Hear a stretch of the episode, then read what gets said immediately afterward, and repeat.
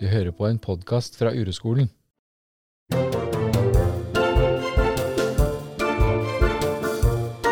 Hei, Kaspar. Velkommen til eh, ny podkast. Rikke, tusen takk. I dag skal vi snakke om skjermbruk, hvis du har lyst til det. Gjerne det. Så jeg har egentlig Jeg, har- jeg har holdt på å lese en, en bok som ikke har noe med skjerm å gjøre. Den, det er 'Afghaneren' av Åsne Seierstad. Å ja.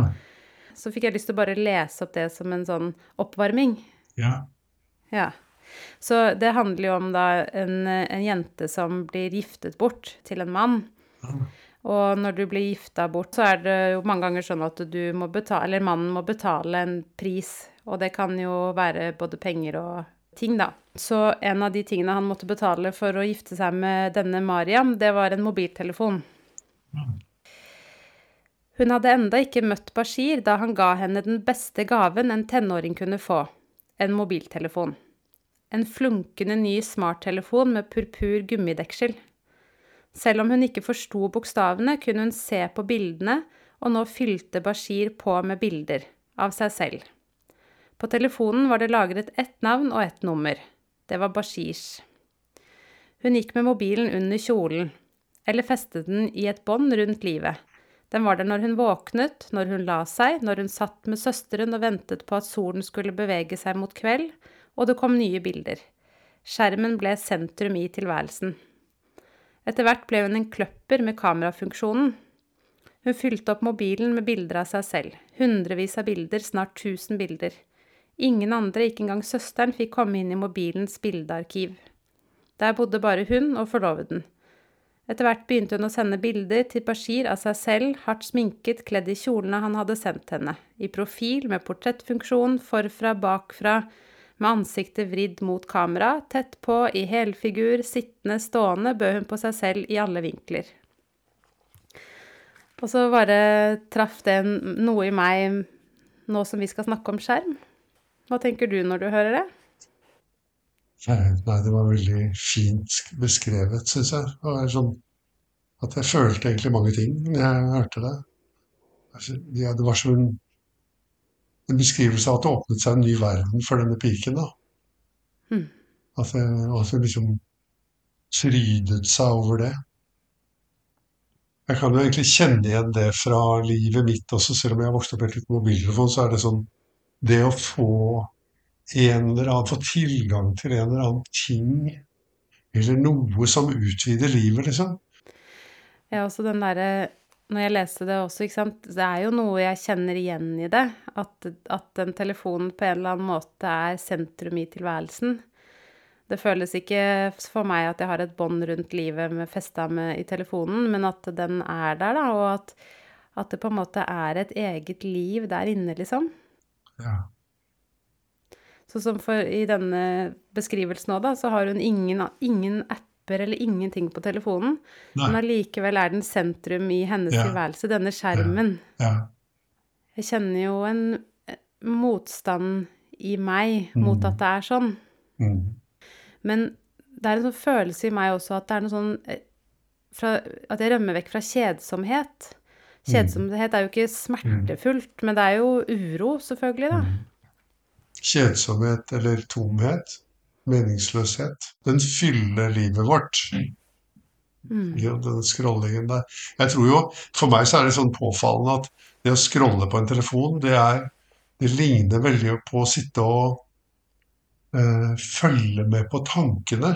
Det sitter, altså, sitte sånn og eh, la tankene Ja, sitte og følge med på tankerekkene.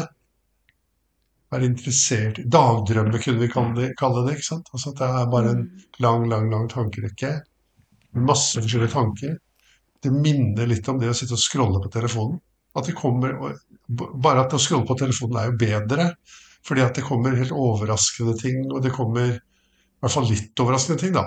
Og det kommer eh, eh, spennende ting, f.eks. om krig eller om dramatiske ting som har skjedd. Ja, altså Jeg merker at jeg det, det er en sånn slags uro eller en sånn følelse av at jeg venter på noe. Både før, før jeg tar opp telefonen, Og når jeg holder på med den, at jeg liksom venter på noe, at det skal komme noe Ja. nytt, eller det, det, er jo Ja. en, det er jo bare en uro, det òg, men det er, den, Ja. det er sånn det føles. En sånn rastløshet, eller sånn Kommer det ikke noe nå, liksom? En ny mail eller en melding, eller er, jeg syns jo det er veldig interessant. Jeg kan kjenne meg igjen i det, og jeg tror, jeg tror det er en realitet for veldig mange mennesker. Og det betyr jo, For meg så betyr jo det at sinnet leter etter noe som skal gi mening eller innhold i livet. Og det betyr jo at eh, når jeg ikke har telefonen der, så finner jeg ikke det. Derfor så tar jeg opp det, og det er i hvert fall et sted å lete. mm. Kanskje når jeg ikke har telefonen der, så har jeg i hvert fall mange ganger F.eks. hvis jeg sitter på bussen, så er jeg vanskelig for å finne det som jeg lengter etter. Jeg finner jo noe annet, men det er ikke det jeg lengter etter. Det blir tomt når det blir stille. Jo, da tror jeg jo at for veldig mange av oss så handler det om en ubehagelig tomhet. Det handler ikke om en behagelig tomhet. Det handler ikke om en hviletomhet. Det handler om en eller annen form for fravær av noe godt. da. En slags fraværstilstand. At eh, fravær av noe interessant eller godt eller tiltrekkende. Det er ingenting som trekker oppmerksomheten min til seg. Kan ofte oppleves som en veldig ubehagelig ting eller en noe som vekker uro. At det er så tomt der. Det skjer så lite der. Ja, det tror jeg. Fordi jeg prøver jo kanskje litt hver dag da og sette meg ned, om så bare i ett minutt, og være stille. Men det Når, når jeg først sitter, så syns jeg ofte at det blir ganske fort behagelig. Men det er ikke tiltrekkende allikevel. Fordi at det er, jeg må gjennom et eller annet ubehag først. Ja. Det er liksom så rart. Eller det er kanskje ikke så rart, men det er ikke, som du sier, det er ikke tiltrekkende å bli stille. For det blir ubehagelig først. ja. Så du setter deg ned nesten med en agenda om at det skal bli stille, men det du møter er en eller annen form for ubehag? Er det sånn? Nei, jeg, jeg tror jeg eh, har en agenda om at nå skal jeg sette meg og kjenne etter hvordan jeg har det. Ja. Men det, virker, det virker ikke så veldig tiltrekkende, da. Fordi at eh, det er ikke det at jeg har det så forferdelig, men at jeg vet Nei. at liksom det er mer tiltrekkende å redigere en podkast, eller høre på en podkast, eller se litt på TV, eller ja, få gjort noe. Så det første laget når du setter deg ned og blir stille, det er ustille. Det er urolig eller ubehagelig eller rastløst eller kjedelig. Mm. Kanskje vi til og med kan spole enda et hakk tilbake og si det første laget før jeg klarer å sette meg ned, Ja. er sånn. Eller det er en eller annen slags sånn diskusjon om at jeg bør, skal sette meg ned, liksom. Akkurat som at det krever vilje. Det er ubehagelig, og det neste laget er ubehagelig, nemlig møtet med denne tomheten eller kjedsomheten eller uinteressantheten. Jeg har, ikke, jeg har ikke tid til det, liksom. Det er en sånn følelse Eller en sånn Den uroen sier det. Jeg har ikke tid. Jeg vet jo at jeg har det. Mm. Men uroen min er helt uenig i det. Og så, da? Da griper vi til det som er i nærheten, da, for å fylle opp. I vår tid så finnes det vel Det er vel det er jo egentlig ikke bare skjermer, men i vår tid finnes det veldig, veldig mange ting vi mennesker har skapt som kan fylle livet vårt på en måte. Eh, Vi skal pusse opp badet, eller kjøpe ny bil, eller kjøpe noe, eller vi skal bli flinke til noe, eller vi skal fylle oppmerksomheten vår med noe som er foretrukket eller ettertraktet, da. Og den der skjermen er vel bare det.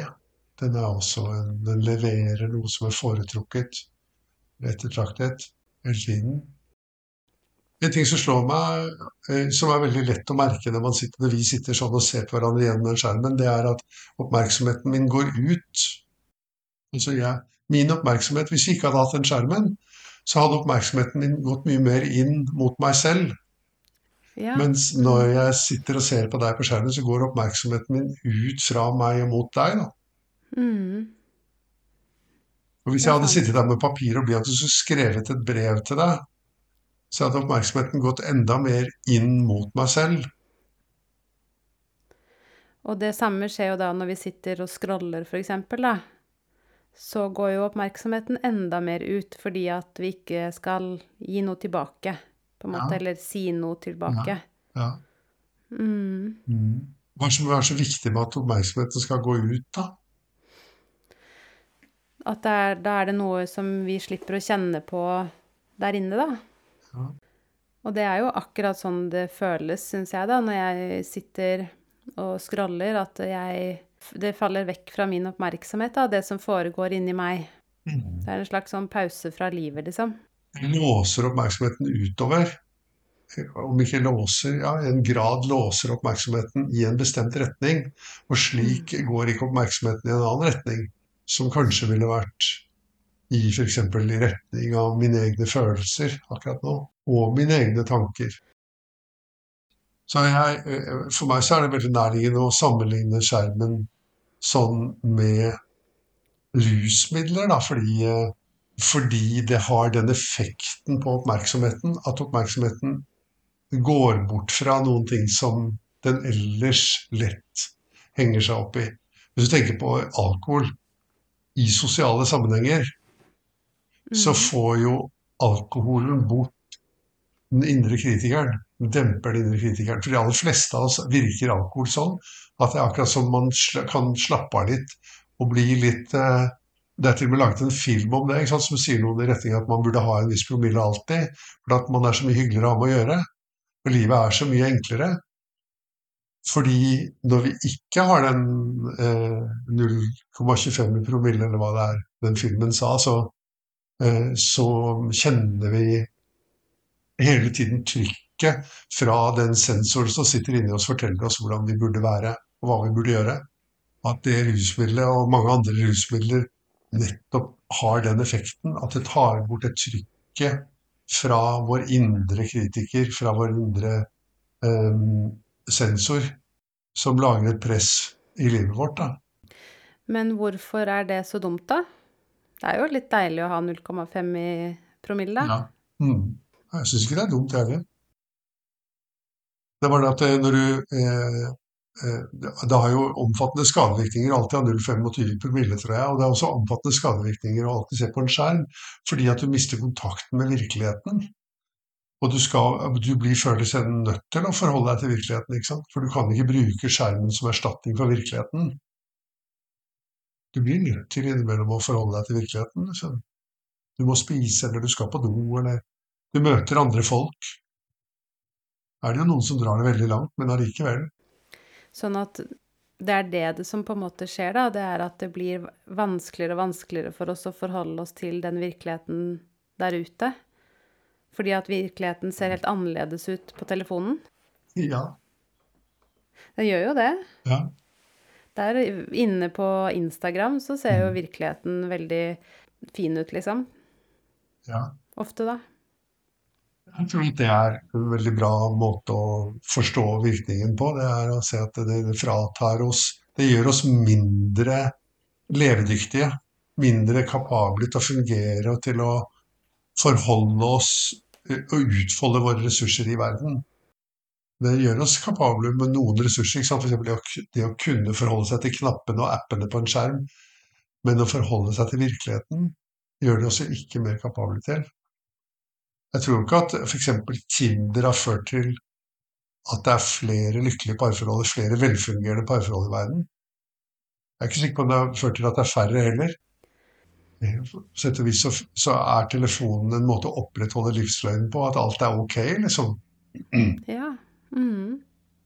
Ja, det er sant. Ja, at alt er ok. Og at f.eks. det å spille spill på data, da det er vel ikke, Jeg vet ikke om man gjør det på telefonen noe særlig grad. Jo, man gjør det, tror jeg. Ja, jeg tror det. Ja, Men man gjør det også på andre typer skjermer, da. Eh, at det gir en veldig Ja, jeg snakker jo med mange andre mens jeg gjør det. Vi har kontakt over hele verden mens jeg hører sånne rørende historier om det, om barn som har vært så ensomme, og så har de fått eh, venner og fungerer bra innenfor denne spillverdenen internasjonalt, da. At det gir en slags sånn midlertidig opplevelse av nærhet, da, eller? At det, det er det nærmeste kanskje mange mennesker har kommet. hverandre. Ja, Det er det nærmeste man har kommet inderlighet eller nærhet med andre mennesker. Eh, Og at lengselen er stor, men at man kanskje ikke vet om noe annet. Det ligner jo på nærhet. Med hjerter og smilefjes og Mm. Det Ja. ligner veldig. mm. Det ligner veldig på livet. Det ligner veldig på ting vi lengter etter. Så hvis, hvis man sitter der ute da og lengter etter de tingene, nærhet og inderlighet og Jeg gjør jo det, jeg. Selv om jeg opplever at jeg har det, så tror jeg jo aldri jeg kommer til å si at jeg har nok. Eller jeg har jo alltid lyst på det, liksom. Mm. Ja. Hvordan kan man da på en måte se på dette, da? Dette mobil, denne mobilbruken og Hvordan kan man møte det, liksom? Skjønner du spørsmålet mitt? Eh, Altså, det umiddelbare svaret må vel være å si prøv å finne det utenfor, utenfor skjermen, da. Skru av skjermen. Og, så, og jeg tror det er det som på en måte er mm, Det er det som slår meg som uh, veien å gå. Det er å møte det ubehaget som er i deg selv når du skrur av skjermen. Uh, og at det er en form for nærhet med deg selv. Uh, og at gjennom å møte det ubehaget, så vil du også bli i stand til å møte det ubehaget som oppstår i nærhet med andre mennesker. For det er jo sånn det er jo vanskelig å være nær andre mennesker også. Til og med når man er veldig glad i hverandre, så er det jo det. Absolutt. Til og med barna våre er det vanskelig å ha nærhet til, sant. Fordi da det blir ubehagelig like ofte som det blir behagelig. Sånn cirka. Men i, fordi for eksempel da, så har jeg før jul, så eh, For det har jo, vi har jo planlagt denne episoden en stund, så jeg har drevet og eh, lekt, da. Så sletta jeg alle sånne sosiale medier fra telefonen min. Ja. For å se hva skjer med meg da. Eh, det har egentlig gått veldig fint, det. Men jeg ser jo at jeg strekker, strekker hånda mi etter telefonen. Det er bare at når jeg åpner telefonen, så kommer jeg på at jeg ikke har noe der å gjøre. Bortsett fra noen mailer fra uroskolen og sånn. For du har slettet. Eh, Ja. ja, sletta Ja. det. Ja. Men så har jeg da lurt på liksom Er det fra et urolig sted, ikke sant? Er det fra et sted hvor jeg, men, sted hvor jeg mener at det er feil at jeg Og så har jeg jeg, jeg jeg er litt usikker på hva jeg holder på med, da, ikke sant? Men når du sier det er å skru av skjermen, Mm. så fordi at Så har jeg tenkt på det, dette med slutt og prøve å slutte. ja. Men å skru av skjermen ville jo være å prøve å slutte, ville ikke det? Ja, det kunne bare være å eksperimentere. Du kan jo bare skru av skjermen altså når som helst.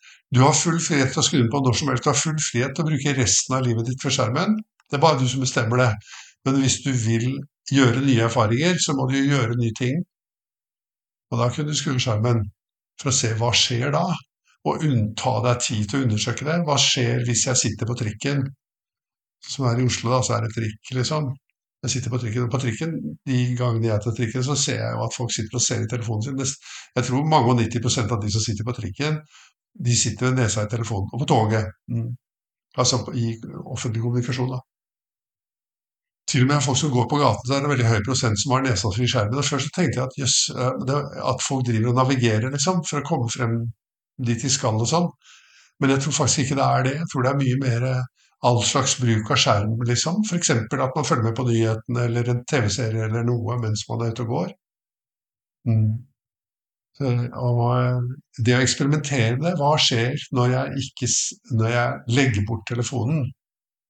Er vel Istedenfor å si du burde legge bort telefonen. Jeg er ikke så sikker på om du burde gjøre det. Har dessuten har ikke med det. Er ikke, det er ikke min jobb å fortelle deg hvordan du skal leve livet ditt. Men du har bare dette ene livet, og hvis du vil finne ut mer, så kan du eksperimentere hvordan det er når jeg gjør ting på nye måter. Jeg går med andre klær, eller lærer meg et nytt språk, eller eh, bytter jobb, bytter partner. Jeg, jeg finner ut mange ting. Jeg kan finne ut mange ting om livet hvis jeg deltar. Og jeg kan finne ut mange flere ting om jeg, om jeg skrur av skjermen. Og ikke hver gang det dukker opp et spørsmål i hodet mitt. Jeg, jeg har fått inntrykk av det i det siste, at en god del av det som foregår, er at det dukker opp spørsmål i hodet vårt, og at vi forsøker å finne svar på de spørsmålene. Og det gjør vi ved å google, da, som det heter. Absolutt. Eh, og, se, å se på akkurat den mekanismen.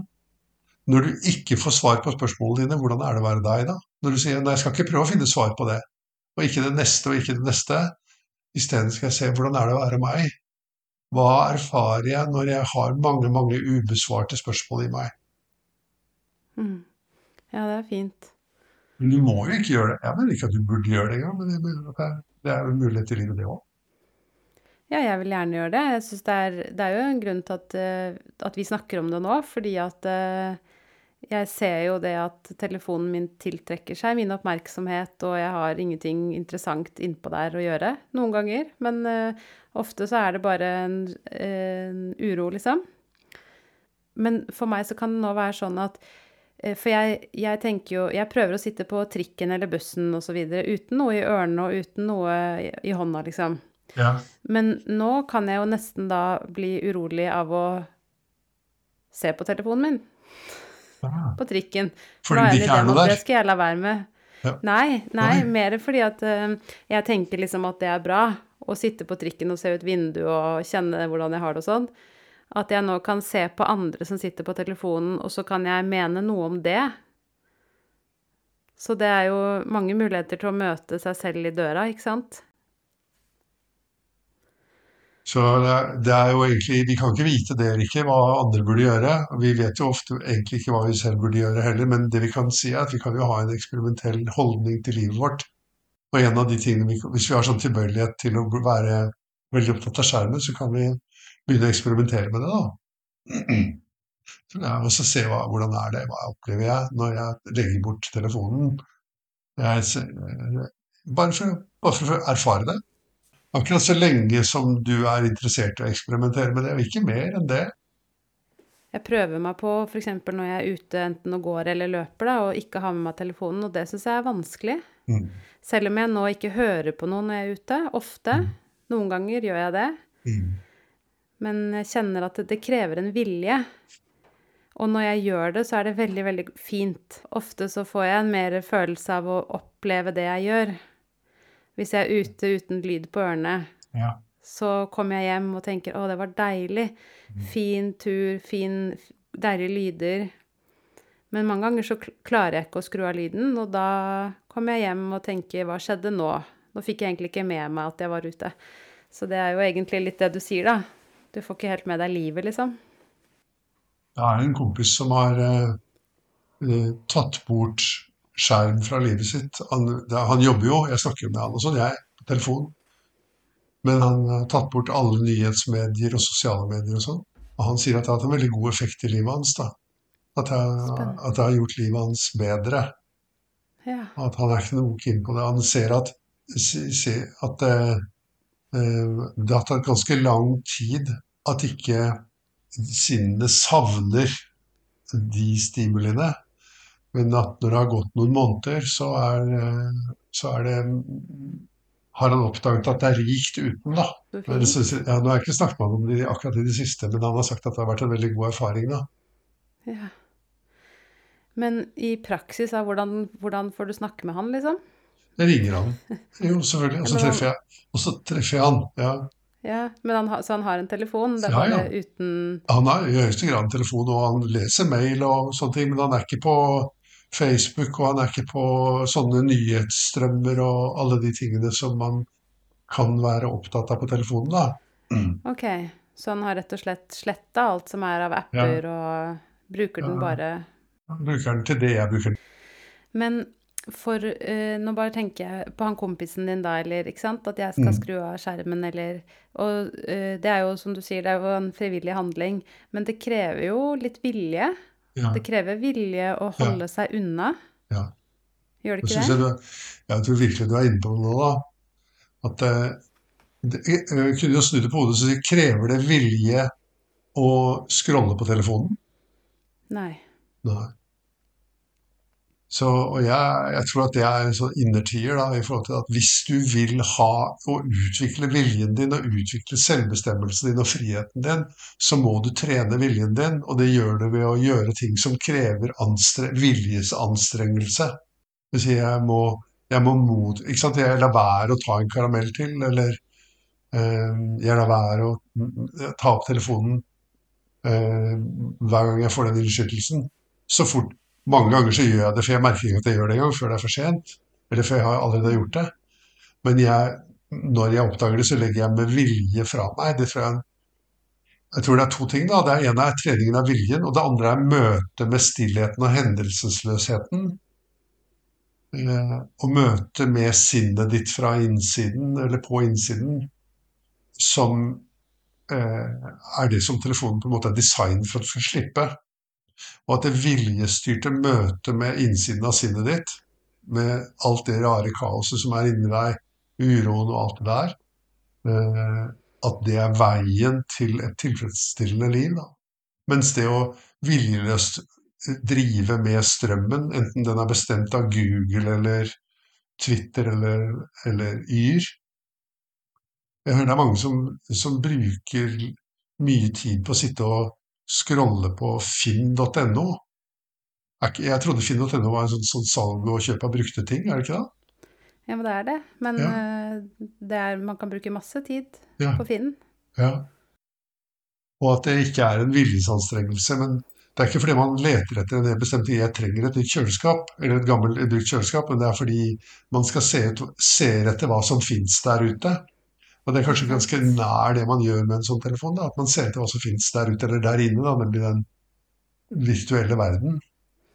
Absolutt. Og det der at du venter på noe. Ikke sant? Hvis jeg scroller litt mer på Finn nå, kanskje det jeg ikke vet at jeg trenger, plutselig er til salgs.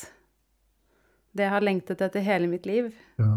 Eller en opplevelse, selve opplevelsen av å se, så ser se det og det. En løve, eller eh, en vakker kvinne, eller en vakker mann, eller en, eh, noe som er veldig, veldig attraktivt. da. Noen som gjør en- en rørende handling, eller Det er jo sånne ting vi sitter og deler og sender til andre og Men det, det er veldig tydelig for meg, egentlig, eh, det der med at vi opplever sterke følelser mange ganger da, inne på telefonen, og at det på en måte fungerer som en At du får den følelsen av at jeg føler sterke ting. For det tror jeg jo vi har Det er jo godt å kjenne på den rørende, øh, varme følelsen når du ser en søt løve vaske en annen løve, liksom, eller Mm. Men at det holder Det å sitte på den skjermen Vi får jo ikke det Det er jo enda gøyere å få den følelsen i livet, da, når du møter en dame på butikken, eller noe som er virkelig. Eller kanskje det ikke er det ikke. Kanskje det er sånn at det i seg selv oppleves mange ganger som ganske lite gøy, eller lite eh, Eller skremmende eller ubehagelig. Eller urovekkende. Og at det, det å møte det eh, Møte ting At jeg kan velge ut ting som ikke er slik, Ja. på en sånn Mm. skjerm, da. Fordi at eh, livet ofte Livet er jo like mye ubehagelig som behagelig, liksom. Mm. Mm. Eh, Og at det å delta i livet og gå på butikken og møte folk og det å ha, møte venner fysisk og nå i helgen så skulle vi eh, Jeg har et par studenter, og de studentene vi hadde avtalt å gå på ski sammen, og så er det, Ja. eh, så vi avlyste det. Men det, det å gå ut i verden og være sammen eh, kan jo til og med være skitur i høljende regn, ikke sant. Det er ganske ubehagelig, da. ja, det er det. Ja, Det er sant. Det er lettere å sitte inne og scrolle. ja. Mindre tilfredsstillende, men enklere. Mm. Mm. Men jeg tror det er en grunn, den grunnen til at vi mennesker henfaller til skjermen. Jeg tror ikke det primært er at det er noen som skal tjene penger på oppmerksomheten vår. Det er jo det, at det er noen som tjener penger på oppmerksomheten vår. Men grunnen til at de kan tjene penger på oppmerksomheten vår, er at oppmerksomheten vår er til salgs ved at den blir den, Det er så bedøvende for oss at den blir trukket mot, vekk fra ubehaget og til i det minste noen ting som er en slags komatøs, halvkomatøs tilstand. Mm. Så Sånn jeg at tror at Unnskyld. Vær så god. Ja, jeg bare tror at det er i hvert fall et tredje punkt når det gjelder det med skjermbruk. Det er at eh, skjermbruk i, eh, i veldig liten Eller kanskje sk- skjermbruk er nesten det motsatte av oppmerksomhetstrening. Fordi at oppmerksomheten går dit den blir trukket. Og det er noen som har Mm. funnet ut hvordan de skal trekke den til seg. Det er ikke det som er problemet. Det som er problemet, er vi mennesker må øve oss veldig for å få kontroll over oppmerksomheten vår. Det har vi alltid måttet. Det er bare at livet har i seg selv hatt elementer av oppmerksomhetstrening i seg. Hvis du tenker det å være jeger og samler, det er en oppmerksomhetsøvelse hele tiden. Ja. Mens nå er det ikke det. Mm. og Mm. jeg, jeg, jeg har en sånn moderne bil som er sånn at den nesten kjører selv. ikke sant? Og Det er jo egentlig veldig lite oppmerksomhetskrevende å kjøre bil, til og med. Enda det foregår i 100 km i timen. Mm. Den holder seg på, Så lenge det ikke er snø på veien, og så, så holder den seg innafor strekene og holder den samme farten. Og hvis bilen foran bremser, så bremser bilen og Mm. alt det der. Ja. Så, så treningen av oppmerksomheten eh, er, tror jeg, en forutsetning for å eh, ha et tilfredsstillende liv i vår tid. Og den treningen skjer ikke av seg selv lenger. Og, Mm. og skjermbruken eh, gjør bidrar til at vi mister kontrollen over oppmerksomheten. Den svekker vår kontroll over oppmerksomheten. Ja. ja, det der er skikkelig bra. Klargjørende for meg. Ja. Sånn at vi på en måte med flere og flere ting blir designa for at vi skal slippe å måtte bruke oppmerksomheten vår, da. Ja, og ja, og så styre den selv. Mm. Det er mange ting som blir designet for å nettopp å ta oppmerksomheten sant? og føre den i retning av noen som vil selge til finn.no, eller til eh, eh, Det som noen definerer som viktige nyheter, er jo en svær Mm. greie, ikke sant? Eh, og det, det, det, ikke bare viktige nyheter, men viktige i det hele tatt. F.eks. hvordan man blir rik eller suksessfull eller noe sånt, eller pen eller noe sånt. Mm. Eh, og at det er ikke du som bestemmer hvor oppmerksomheten din går, men det er noen andre som har funnet ut at ja, men jeg kan bestemme det, og da kan jeg tjene penger på det samtidig. Men saken er den at helt uavhengig av de folkene som tjener penger på det, de er på en måte Det er ikke de som er det primære problemet, de er det sekundære problemet. Det primære ansvaret ligger hos deg. Vil du ha kontroll over oppmerksomheten din? Ser du at det å ha kontroll over oppmerksomheten er en vei til et tilfredsstillende liv, eller betyr det ingenting for deg? For i så fall så er det, kan du jo bare gi den bort, eller selge den nærmest Mm. gratis. Du får underholdning i bytte mot eh, noen andres fortjeneste, da. Ja. Ja, fordi jeg når, Eller jeg har tenkt på det, da. At vi sier ja, men mennesker har alltid hatt uro og Eller mennesker har alltid hatt uro, men det er jo veldig sant det gir mening når du sier det at før så hadde vi kanskje med flere yrker og livsstil som hadde inneholdt oppmerksomhetstrening, på en måte, da. Ja, jeg tror det. Tenk deg å være smed eller håndverker, da. Hvor du, er, hvor du må gjøre veldig mange ting. For eksempel Altså, jeg, nå har jeg veldig mye, jeg har mye verktøy, jeg har drevet en god del med håndverk. Eh, men jeg har også veld, etter hvert veldig mye avansert elektrisk og altså selvgående verktøy. Ja. ikke sant, som gjør jobben veldig nøyaktig. Uten at man trenger å være så oppmerksom. Men den tiden da man måtte dele Hvis man skulle dele et panelbord med en håndstikksag, så betyr hvert eneste skjær noen ting. Ja. Og, og den, sant, en, en veldig erfaren snekker, han har fått den oppmerksomheten til å gå ut i hånden sin, så han kan nesten stå og snakke med noen mens han sager et bord, et 2 meter, 2 meter og 40 langt bord på langs, og følge linjen helt presis. Men jeg lover deg, Rikke, jeg vet ikke hvor mye du har snekra, men jeg lover deg at den linjen som blir hvis du, Selv om du har en veldig god sag, den blir ikke veldig rett, altså. Og det er basically pga. at du ikke har den koordinasjonen som mellom oppmerksomheten og motorikken din. ikke sant? Mm.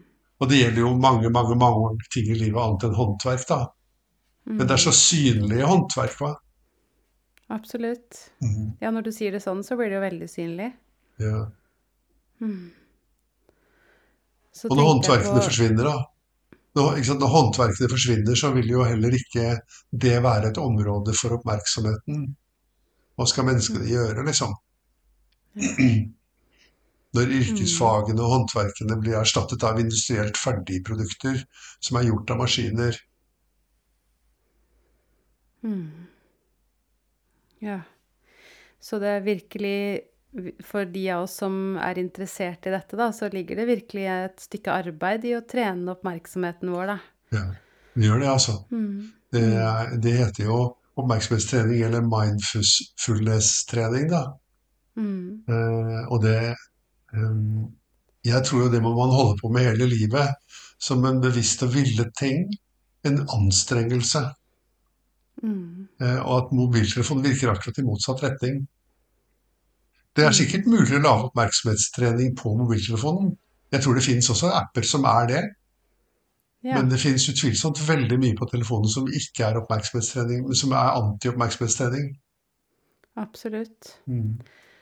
Og det, det derre at telefonen på en eller annen måte um, virker som en bekreftelse på at det er feil å ha vondt.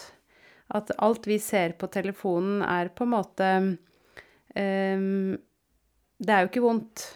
Sånn at når vi da kommer ut i livet og erfarer at det er vondt, så bare virker det enda mer feil, da. Ja. ja. Jeg tror det er sant at det, i vårt sinn så er det sånn at vi fortolker det som gjør vondt, som noe feil. Og at eh, vi dermed forsøker å forholde oss til det enten ved å bekjempe det eller rømme fra det. Eller gå i en eller annen form for koma. Eh, og at telefonen kanskje nærmest er slik å regne da, som en slags komatilstand. Altså det å sitte og skrolle på telefonen. Hvor vi kommer bort fra livets realitet, som innimellom er veldig vond. Den er jo også innimellom veldig god, ikke sant. Og det er jo baksiden av medaljen, at det også blir borte. Ja. Det er vel, jeg vet ikke, men altså, jeg, liker jo godt å se en god film, f.eks., men jeg tror aldri jeg har sett en god film, en film på en mobiltelefon. Det jeg tror jeg aldri jeg har gjort i mitt liv. Jeg har ikke den derre jeg, er så gammel, ikke sant, så har, det er et eller annet som jeg har gått glipp av her. Jeg har sluppet, jeg har sluppet å bli avhengig av mobiltelefon. Jeg har ingen interesse av Jeg tror aldri i mitt liv jeg har vært inne på VG-nett, eksempel. Nei. Jeg tror aldri jeg har gjort det. Hva skal jeg der, liksom? Ja. Ja. Så er jeg et eller annet sted um, Men jeg tror jo den enda yngre generasjonen nå får virkelig I hvert fall opplever jeg det sånn Noen av de som kommer til meg og sånn, da, som er uh, kanskje rundt 20 eller noen og 20, og jeg føler seg veldig På en måte hele livet er om uh, Skulle til å si omringet. Hele livet omhandler det som skjer på telefonen, da. Ja. Mm. Så nå det, det har jeg egentlig veldig lyst til å lage en egen episode med deg om, da. Hvis du vil komme tilbake henne en gang. Om ungdom og barn og skjermbruk. Ja, kanskje, ja, og tenker du da på liksom voksnes ansvar, og hvordan vi, for, vi voksne forholder oss til det? Ja, Ja, for eksempel? Ja. Mm. Mm, jeg tenker jo eksempel at sånn som jeg, da, som nå har små barn, Mm. føler meg jo Sånn sett så føler jeg meg veldig heldig som vet disse tingene nå. Men jeg vet jo allikevel ikke hvordan jeg skal møte det alltid i møte med mine barn, da. Eller Mm. kanskje enda, eh, enda verre Mm. når du har barn som skal få sin første mobiltelefon, eller barn som eh, ja, gamer og så videre, da. Ja. Hvordan man skal som voksen møte det, da. For det er vel, det er vel bare sånn vi kan se på det. Det er at vi voksne må ta vårt ansvar for det, da. ja. Og ta det ubehaget det medfører, og ta bort noe som kjennes så behagende eller så komfortabelt som det å sitte med nesa ned i en skjerm. Mm. Det er en Jeg- eh, vanskelig, vanskelig oppgave, det. Som mange Mm. voksne kvier seg veldig for. Jeg har etter Fordi at i julen så hadde vi jo syke barn, og da blir det jo ofte mer TV. Mm. Eh, og så etter julen så tenkte jeg nei, nå har det liksom Følte jeg nå har det sklidd ut litt med den TV-en, så jeg bestemte meg, eller vi bestemte oss for at nå er det ikke TV før etter middag på kvelden. Og det har jo vært en, en del ubehagelige stunder, eh, Ja. fordi at eh, særlig han eldste veldig, veldig gjerne vil se på TV, og da blir han jo sint da, når han ikke får det. Ja. Men uh, bare på den, de par ukene det har vært, da, så har det også blitt veldig, veldig mange fine stunder. Fordi at jeg ser at allerede så begynner han å glemme TV-en. Wow, Uh, og at vi har på en måte fått. At det, livet vårt ikke har dreid seg rundt den TV-en Ja, den siste tiden, da. Så, så fint. Ja. Det er veldig gøy å utforske det. Men jeg vil gjerne utforske det mer sammen med deg, da. Jeg, jeg, jeg hørte et praktisk råd når det gjaldt det med TV egentlig også, i barnefamilier. Da, det at man skal ha et teppe eller et klede over TV-en. For at skjermen i seg selv er altså skjer, Den blanke skjermen er tiltrekkende. Og hvis man anonymiserer det, liksom, med å ha et laken over et eller annet Ja, sånn, vi, vi tar bare det av når vi bruker det, ellers så er det alltid over, liksom. Ja, det kan jeg Mm. teste ut. Ja. Men det er jo virkelig en Det er jo en Å be om bråk, liksom. Mm. Og det å være voksen og ta det bråket og si 'jeg vet at dette er riktig, og det er jeg som bestemmer'. Og jeg gjør det sånn, og jeg er mammaen din, jeg gjør det sånn, og jeg er pappaen din, jeg gjør det sånn. Eh, nei, jeg vil gjøre det annerledes, ikke sant? For det er, jeg, jeg, det er veldig mye å hente på det i verden når det gjelder mange ting. Når det gjelder sjokolade seigmenner og alle mulige ting. hva? Jeg vil ha mobiltelefon, jeg vil ditt og datt. Men jeg tror at Hvis det er én ting som er bra for barn, når det gjelder dette, så er det at barnet sier 'jeg vil ha sjokolade', og så at foreldrene sier 'ja, det vet jeg at du vil, men du får det ikke'. Mm. Eh, Ja, men det, Og så setter barnet trykk på ikke sant? og skriker og sier 'jeg vil ha det', kanskje.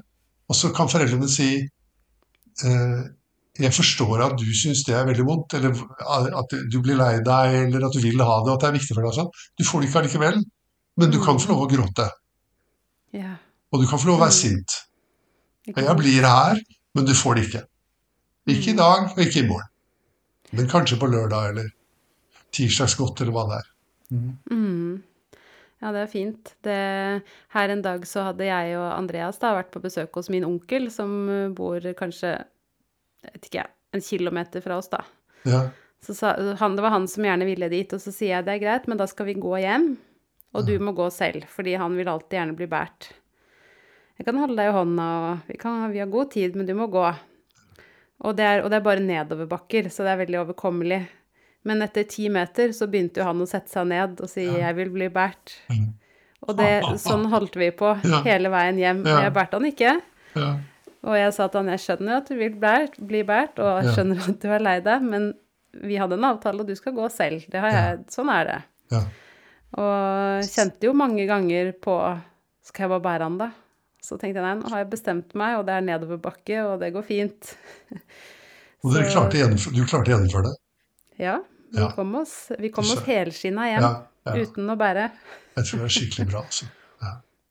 At det er en verdifull erfaring både for han og for deg og for deres samspill. Liksom. Han tar deg på alvor, og, Mm. og du tør å stole på at det der er riktig for meg, så jeg gjør det sånn. Ja, for noen ganger så blir jeg jo usikker på er jeg, er jeg veldig sta nå, ikke sant? Jeg, setter, jeg, men akkurat da føltes det egentlig ikke sånn, for da føltes Mm. det ganske sånn rolig ut at uh, du skal gå, gutten min. Sånn blir det i dag. Men når det gjelder mobiltelefon, så er det sånn ja, men alle de andre i klassen har mobiltelefon. Ja. Og alle de andre i klassen får lov til å sitte oppe og game og bla, bla, bla. Alle de tingene der. Mm. Og det er for foreldre å si Det kan godt være at hele, alle i hele verden får lov til det, men jeg har bestemt at du får ikke lov til det nå. Mm. Ja, det krever, eh, Ja. det krever mer enn å gå en kilometer og si at ikke du blir båret. Men det er det samme, da, tror jeg. Ja. Og jeg tror det er bare så veldig bra øvelse for foreldre å stå i det, selv om alle andre får lov, liksom. Mm. Ja, fy søren. Ja. Det er ubehagelig. Ja. Mm. Ja, det hadde vært fint å lage en, en, en eh, egen episode om det. Vi kan prøve. Mm. For nå skal jeg ha en elev, Ja. så da tror jeg jeg skal si tusen hjertelig takk, Kaspar, for alle de fine Ja. innspillene og din kloke tilnærming til mobiltelefonen mobiltelefon og skjerm. ja du, får, du får høre gjennom det. Jeg, tusen takk for at jeg fikk være med, Rikke. Er, jeg er sikker på at vi kunne vinkla det og ta, sagt mange flere ting om det også, så vi kanskje vi kan komme tilbake til. Jeg er gjerne med på en episode om barn og skjermbruk òg, jeg. Mm. Det er så gøy. Og Mm. jeg kjenner at jeg er ganske motivert til å forske og leke enda mer med min egen skjermbruk, da. Ja, Mm. ja, det Det er skikkelig gøy. Ja. Det er fint, Tusen takk, Kaspar. I like måte, venn. Ha det. Snakkes. Ha det.